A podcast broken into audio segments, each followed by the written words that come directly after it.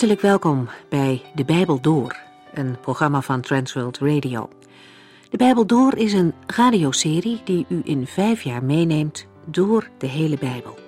Van Genesis 1 tot Openbaring 22.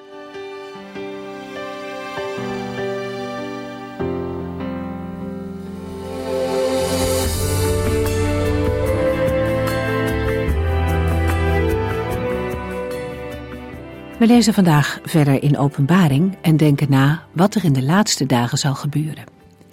Nadat Jezus Christus de hele boekrol geopend heeft, krijgen zeven engelen elk een bazuin. Ze maken zich klaar om erop te blazen en het heeft grote gevolgen. Het klinken van de bazuin had van oudsher al betekenis in Israël. Het kon dienen om een oordeel aan te kondigen of om een waarschuwing te geven. Ook klonk de bazuin als mensen zich moesten verzamelen en als zijn voor de aanval. En als de overwinning behaald was, werd er ook op de bazuin geblazen. In openbaring leiden de zeven bazuinen met name tot oordelen, maar tegelijkertijd is er nog de mogelijkheid dat mensen op aarde zich bekeren. Daarom vormen deze oordelen ook een waarschuwing. Bij de eerste vier bazuinen wordt het oordeel nog enigszins ingeperkt om de overige mensen de gelegenheid te geven zich alsnog tot God te bekeren. Als blijkt dat de mensen niet willen luisteren naar de boodschap van God, verandert dat en zijn de oordelen straffen voor de ongehoorzaamheid. Ook zien we dat bij de oordelen als gevolg van de bazuinen grotere delen van de aarde getroffen worden dan eerder bij de oordelen van de zeven zegels. Toen was er steeds sprake van een kwart van de aarde, hier gaat het al over een derde deel van de aarde. Het oordeel wordt zwaarder. Bij de eerste bazuin werd een derde deel van de aarde, de bomen en het gras verbrand. Vervolgens komt een derde deel van de zee, de zeedieren en de schepen aan de beurt. De zee verandert deels in bloed, dieren sterven en schepen vergaan. Als de derde engel op de bazuin blaast, wordt een derde deel van het drinkwater uit rivieren en bronnen vergiftigd. Veel mensen komen om. Dan worden zon, maan en sterren voor een deel verduisterd. Deze oordelen troffen met name de natuur. De volgende zullen echter de mensen treffen. We zijn de vorige keer al begonnen met de vijfde bazuin, die het zijn gaf aan demonische sprinkhanen om de mensen vijf maanden lang te pijnigen. Daarover lezen we verder in Openbaring 9.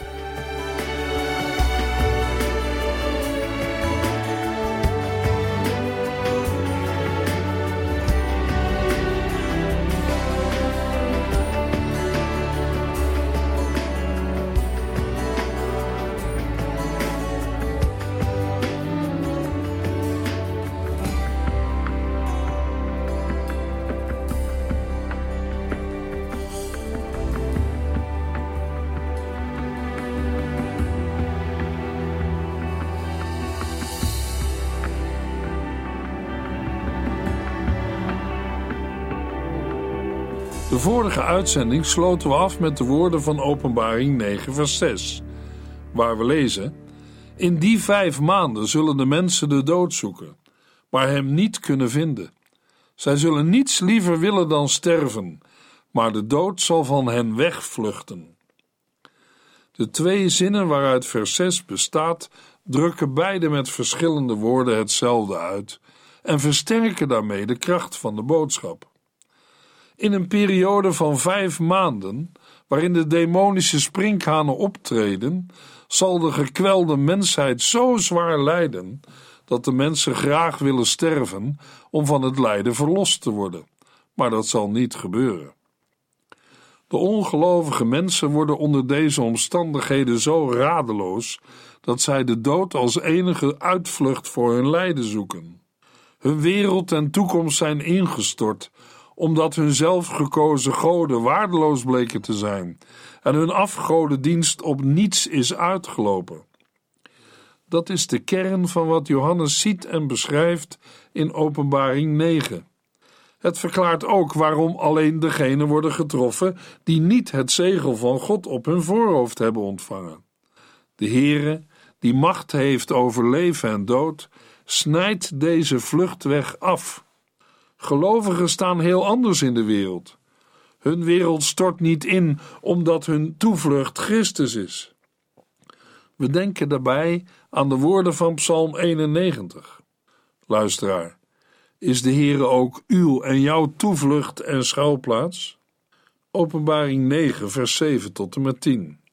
De sprinkhanen leken op paarden die klaar stonden voor de veldslag. Op hun kop hadden zij iets dat op een gouden kroon leek. Ze hadden een gezicht als een mens, lang haar als een vrouw en tanden als een leeuw. Het leek of hun borstschilden van ijzer waren. Hun vleugels maakten net zoveel lawaai als een horde paarden en wagens die zich in de strijd storten. Ze hadden een staart met een angel zoals een schorpioen. Met die staart konden zij de mensen vijf maanden lang pijnigen. In de komende versen gaat Johannes nader in op het uiterlijk van de demonische sprinkhanen, die hij in zijn visioen ziet. Johannes kiest zijn woorden in aansluiting bij Joel 2 en Jeremia 51. In Joel 2, vers 4 en 5 lezen we over de sprinkhanen. Zij zien eruit als paarden en rennen razendsnel. Ze maken een herrie als ratelende wagens die over de toppen van de bergen jakkeren. Zij bulderen als vuur dat een stoppenveld verteert. Ze lijken op een machtig leger dat in slagorde staat opgesteld, klaar voor de strijd. In Jeremia 51, vers 27 lezen we: Laat paarden aanrukken als opeengepakte sprinkhanen. Inderdaad heeft de kop van een sprinkhaan iets weg van het hoofd van een paard. Wat het klaarstaan voor de veldslag inhoudt, wordt in de twee volgende versen uitgewerkt. De sprinkhanen hebben geen echte gouden kroon op, maar iets dat erop leek, mogelijk een krans. Deze gouden kransen duiden waarschijnlijk aan dat de sprinkhanen onoverwinnelijk zijn, want de krans is een overwinningsteken. Verder vergelijkt Johannes de gezichten van de sprinkhanen met die van mensen. Hieruit kan worden opgemaakt dat Johannes de sprinkhanen ziet als wezens met het lichaam van een paard en een hoofd van een mens. Maar het is van belang op te merken dat Johannes steeds zegt als van een of als het ware. Het visioen dat Johannes aan zich voorbij ziet trekken, wordt door hem in duidelijke beelden beschreven. Wat niet betekent dat de beschreven wezens er in werkelijkheid als sprinkhanen uitzien. Het gaat namelijk om demonische machten, want hun aanvoerder was een engel uit de onderwereld. Johannes vertelt in vers 8 verder over het uiterlijk van de demonische sprinkhanen, die de goddeloze mensheid kwellen. Met de woorden: Zij hadden lang haar als een vrouw, wordt waarschijnlijk lang en loshangend haar bedoeld. Loshangend haar hadden ook de Parten, de grote vijanden van het Romeinse Rijk. In het Oude Testament symboliseert loshangend haar onreinheid of rouw. Het kan in Openbaring 9, vers 8 een beschrijving zijn van de voelsprieten van de sprinkhanen, maar ook een symbool van vreemdheid en vijandigheid of van onreinheid. We lezen ook elders in Openbaring over boze of onreine geesten. De tanden als van leeuwen duiden op gevaar. Wee degene die door zulke tanden gegrepen en verscheurd wordt. Met woorden en beelden die ontleend zijn aan Joel 2 en Jeremia 8 en 51 geeft Johannes nog meer details over het uiterlijk. En in vers 9 ook over het geluid van de demonische sprinkhanen. Het Griekse woord voor borstschild betekent zowel panzer of harnas als ook borstkas of romp. Johannes gebruikt afwisselend de beide betekenissen, zodat we het beste kunnen vertalen met: zij hadden rompen als ijzeren harnassen. Met andere woorden, de demonen die het oordeel brengen, zijn zo goed beschermd dat ze vrijwel onkwetsbaar zijn. Het tweede deel van vers 9 lijkt op vers 7a. Het feit dat de demonische wezens vleugels hebben, kwalificeert hen weer in de eerste plaats als sprinkhanen. Ze zijn zo talrijk dat hun voortbewegen een beangstigend hard geluid voortbrengt, dat op grote afstand is te horen. We lazen: Hun vleugels maakten net zoveel lawaai als een horde paarden en wagens die zich in de strijd storten. In vers 10 gaat haast ongemerkt de beschrijving in het Grieks van de verleden tijd over naar de tegenwoordige tijd, wat het geheel nog indringender maakt. Vers 10 is een brede uitwerking van elementen die eerder zijn genoemd. Met de woorden zij hadden een staart met een angel zoals een schorpioen, vergelijkt Johannes de demonische sprinkhanen opnieuw met de gevaarlijke schorpioenen. Het voornaamste wapen van een schorpioen is de angel waarmee hij steekt. Deze angel zit aan het uiteinde van de staart. Met die staart konden zij de mensen vijf maanden lang pijnigen. De beschreven wezens gebruiken hun staart, hun macht om de mensen schade toe te brengen, dat wil zeggen kwaad te doen.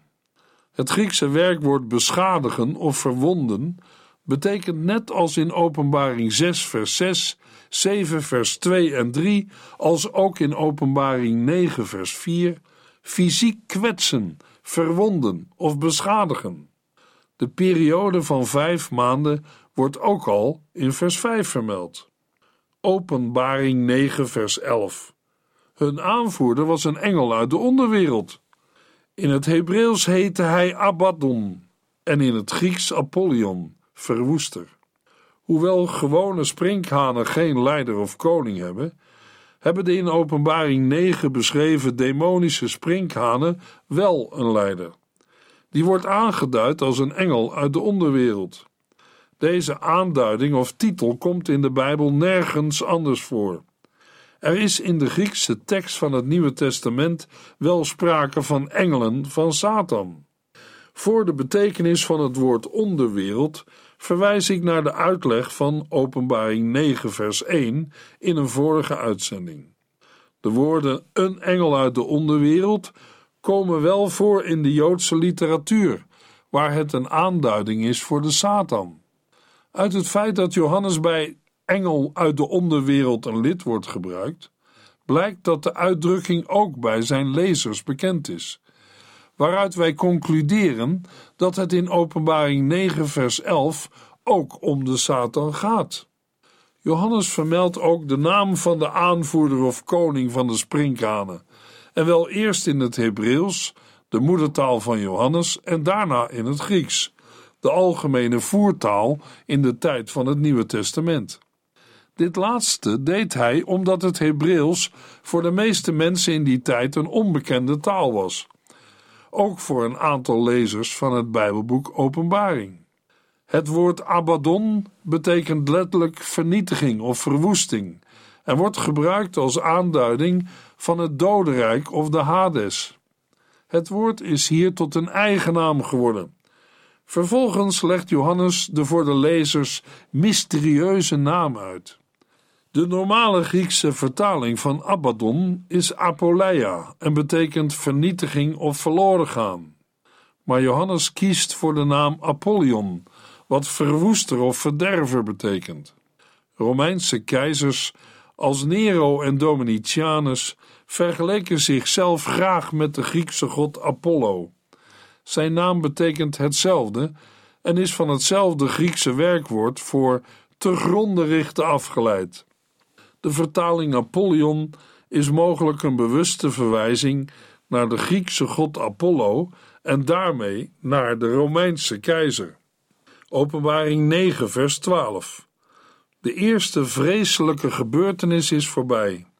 Maar kijk, er komen er nog twee. In vers 12 eindigt de beschrijving van de oordelen die door de vijfde bazuin werden veroorzaakt. Daarmee vormt vers 12 zowel een afsluiting als een vooruitblik. Het oordeel wordt in de Griekse tekst aangeduid met de woorden: Het eerste wee is voorbij gegaan. Het woord wee is in het Grieks normaal een uitroep, maar in vers 12 wordt het als zelfstandig naamwoord gebruikt. Met de woorden: Maar kijk, vraagt de schrijver aandacht voor wat volgt. Er komen er nog twee. Dat wil zeggen, er worden hierna nog twee zware oordelen beschreven. Openbaring 9, vers 13 en 14. De zesde engel blies op zijn bazuin. Ik hoorde uit de vier horens van het gouden altaar, dat voor de troon van God staat, een stem die tegen de zesde engel zei: Maak de vier engelen los die bij de grote rivier de Eufraat vastgehouden worden. Voor de zesde maal blaast er een engel op een bazuin om een oordeel aan te kondigen. Het oordeel dat door deze engel wordt ingeleid, is nog erger dan het vorige, want deze keer sterven er buitengewoon veel mensen. De uiterst zware straf is een laatste, maar vergeefse oproep aan de bewoners van de aarde om zich te bekeren. Nadat er op de bazuin is geblazen, hoort Johannes eerst alleen een stem. Die stem geeft een bevel dat de uitvoering van het oordeel verder in gang zet. Er wordt niet vermeld van wie de genoemde stem is. Maar anders dan in Openbaring 6, vers 6 is het niet de stem van God zelf omdat de stem afkomstig is uit de vier horens van het gouden altaar dat voor de troon van God staat. Te denken valt daarom aan een engel die bij het altaar staat. Mogelijk is het dezelfde engel die op het altaar de gebeden van de gelovigen heeft geofferd. Het altaar is in elk geval hetzelfde altaar als in Openbaring 6, vers 9 en Openbaring 8, vers 3, namelijk het hemelse reukofferaltaar. Dit altaar heeft horens op de vier hoeken, net zoals het aardse altaar uit Exodus 30, vers 2 die had. Waarom de horens hier worden genoemd is niet duidelijk. Mogelijk gelden ze als symbool van Gods soevereiniteit en oordeelsmacht. De vermelding van het altaar verbindt het zesde oordeel met wat Johannes eerder vertelde over de martelaren onder het altaar en over de nog levende gelovigen, van wie de gebeden op het altaar worden geofferd. Deze verbinding maakt duidelijk dat ook dit oordeel een antwoord van de Heere God is, namelijk op de gebeden om recht van zijn kinderen. De zesde engel die op de bazuin blies, kreeg in vers 14 de opdracht om vier andere engelen los te maken. Gezien het woordgebruik losmaken van engelen die vastgehouden worden, gaat het hier over kwade engelen die heersen over volken en zich verbonden hebben met de machten van het kwaad. Het aantal van vier duidt op het wereldwijde effect van het optreden van hun legers. Ze hebben met de sprinkhanen van de vorige bazuin gemeen dat ze in opdracht van God tegen hun wil worden vastgehouden tot het moment waarop zij hun kwaad kunnen gaan uitvoeren. Johannes gebruikt het lidwoord de bij de aanduiding van deze slechte engelen. Hieruit valt op te maken dat hij ervan uitgaat dat zijn lezers weten om welke engelen het hier gaat. Er is gedacht dat deze vier dezelfde zijn als de vier engelen in Openbaring 7, vers 1. Maar die engelen zijn niet gebonden en bevinden zich op een andere plaats dan genoemd in vers 14. In vers 15 wordt nog meer over deze vier engelen verteld. Openbaring 9, vers 15. En de vier engelen werden losgelaten. Ze waren gereed gehouden voor het jaar, de maand, de dag en het uur dat zij een derde deel van alle mensen moesten doden. De engel, die op de bazuin geblazen heeft, voert zijn opdracht uit en maakt de vier slechte engelen los over wie het vorige vers al het een en ander vertelde. Over de vier engelen van het kwaad wordt gezegd dat zij gereed gehouden zijn. Hetzelfde Griekse woord werd ook gebruikt in de beschrijving van de vorige bazuin, waar we lazen: De sprinkhanen leken op paarden die klaar stonden voor de veldslag. Het houdt in dat de engelen gereed staan om onmiddellijk in actie te komen. De plechtige aanduiding voor het jaar, de maand en de dag is ontleend aan het Oude Testament, terwijl het uur eraan is toegevoegd. Deze exacte aanduiding wijst op de door God bestemde tijd. Het moment van losmaken lag voor Johannes nog in de toekomst, maar het was zeker dat juist op Gods tijd de vier slechte engelen hun vreselijke werk zouden gaan doen. Zij zullen een derde deel van de mensen doden. Dit percentage is hetzelfde als bij de eerdere bazuinen in Openbaring 8 en wijst op een zeer groot gedeelte, maar het is niet de meerderheid. Zij moesten een derde deel van alle mensen doden.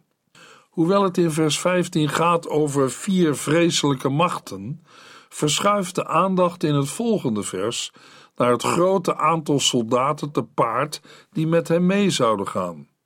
Openbaring 9, vers 16. En ik hoorde hoeveel soldaten te paard met hen mee zouden gaan, miljoenen en miljoenen. In een andere Bijbelvertaling lezen we: Het aantal ruiters van de bereden troepen, ik hoorde hoeveel het er waren, bedroeg tienduizend maal tienduizenden. Blijkbaar zijn de vier slechte engelen de engelen die heersen over volken, de leiders of opdrachtgevers van de genoemde legers. In vers 16 volgt een beschrijving van de legers die door de vier kwade engelen op de been worden gebracht. Maar er wordt niets gezegd over de relatie tussen deze demonische engelen en de legers. Het Griekse woord voor een hoeveelheid soldaten heeft de betekenis van een kleine afdeling soldaten. De nadere bepaling te paard duidt aan dat het in dit visioen om ruiters te paard gaat. 10.000 is het grootste telwoord dat men in die tijd kende. Grotere aantallen werden aangegeven door telwoorden te combineren. Met het getal 10.000 werd een compleet leger aangeduid. Er is hier sprake van 2 maal 10.000 maal 10.000 en dat is 200 miljoen ofwel ruiters te paard, ofwel afdelingen ruiters. In het Hebreeuws wordt hetzelfde aantal genoemd voor het aantal wagens in het leger van de Here in Psalm 68, vers 18. En de helft ervan voor de engelen in de hemel die Gods lof zingen. De nadruk ligt hier niet op het exacte aantal, maar op de ontelbaar grote menigte. De hoeveelheid strijders is zo groot dat Johannes hen niet kan tellen. Hij weet alleen hoeveel het er zijn doordat hij het aantal hoort noemen, waarschijnlijk door een engel. Het onnoemelijk grote aantal betreft trouwens ook geen aardse soldaten, maar evenals bij de vorige bazuin, demonische wezens. Openbaring 9, vers 17 en 18. In het visioen zag ik dat de soldaten vuurrode, violette en zwavelgele harnassen droegen. De paarden hadden een hoofd als een leeuw en uit hun mond kwam vuur, rook en zwavel. Door het vuur, de rook en de zwavel die de paarden uitspuwden, werd een derde deel van alle mensen gedood. Het waren drie vreselijke rampen. Nadat Johannes de Ruiters er kort bij betrokken heeft, vertelt hij nu over de paarden van het leger. De hele beschrijving roept weer herinneringen op aan de demonische sprinkhanen in Openbaring 9, vers 3 tot en met 10. De woorden vuurrode, violette en zwavelgele harnassen verwijzen zowel naar de paarden als naar de ruiters. Ten tijde van Johannes hadden de paarden van de Parten, de vijanden van de Romeinen, in het gebied ten oosten van de Eufraat metalen panzers als bescherming. Ook de sprinkhanen hadden harnassen. Waarschijnlijk bedoelt Johannes dat er harnassen in drie verschillende kleuren voorkwamen, hoewel het ook mogelijk is dat elk harnas met de drie genoemde kleuren beschilderd was. Het betreft drie dreigende kleuren, namelijk vuurrood, violet of zwartblauw en zwavelgeel. Zij corresponderen met de levensbedreigende plagen van vuur, rook en zwavel, die aan het slot van vers 17 worden genoemd. De kleuren van de harnassen van de ruiterij stemmen dan ook overeen met de schadelijke dampen die de paarden uitblazen. Het uiterlijk van de paarden wordt nog dreigender doordat zij leeuwenkoppen hebben. Dat verwijst naar de verscheurende kracht en onbevreesdheid van de leeuw. Het feit dat de paarden vuur en rook en zwavel uitblazen, geeft aan dat met deze dieren geen gewone paarden bedoeld zijn, maar demonische machten. Vers 18 herhaalt het percentage gedode mensen uit vers 15. in combinatie met hun doodsoorzaak, de drie schadelijke elementen die in vers 17 werden genoemd. Zoals eerder werd gezegd, gaat het hierbij alleen om de onbekeerde mensheid. Gelovigen zullen aan dit oordeel ontkomen. Openbaring 9, vers 19 tot en met 21. De dodelijke macht van de paarden zat niet alleen in hun mond, maar ook in hun staart, die er als een slang uitzag.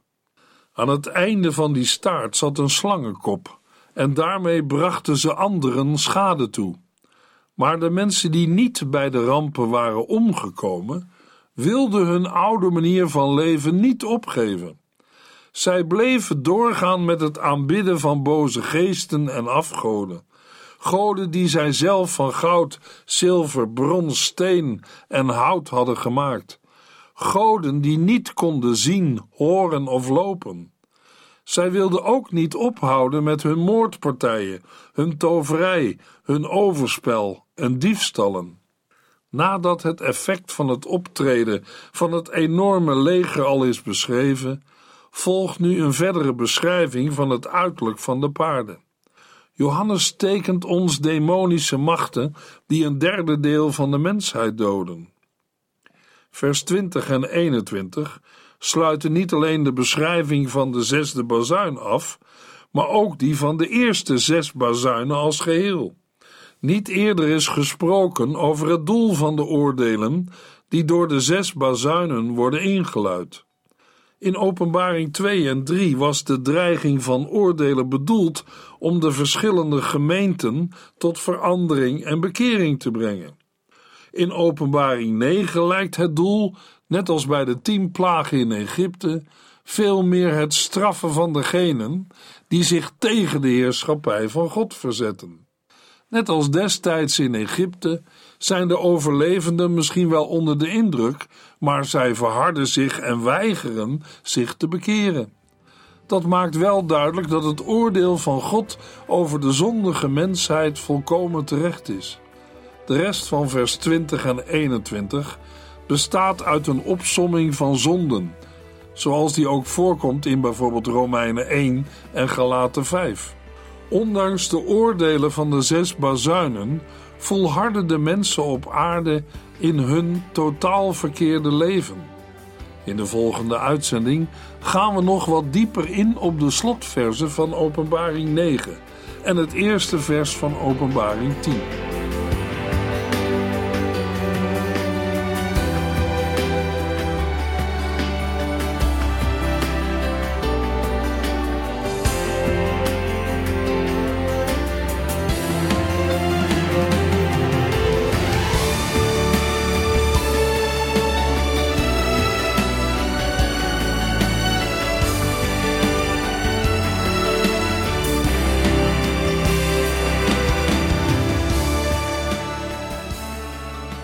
Sinds kort kunt u een USB-stick bestellen met alle uitzendingen en de teksten van de Bijbel door. Ons adres volgt in de afkondiging. U heeft geluisterd naar De Bijbel Door. In het Nederlands vertaald en bewerkt door Transworld Radio.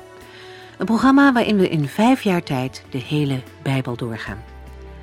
Als u wilt reageren op deze uitzending of u heeft vragen, dan kunt u contact met ons opnemen. Tijdens kantooruren kunt u bellen op 0342 47 8432. 0342 47 8432. Ook kunt u een e-mail sturen naar de Bijbel door at transworldradio.nl en natuurlijk kunt u ook via de post ons bereiken. TWR, postbus 371, postcode 3770, AJ in Barneveld. Dit programma werd gepresenteerd door Corweda en Ike André. Techniek was in handen van Odin van Woerdenkom. En namens ons allemaal bedanken we u van harte voor het luisteren.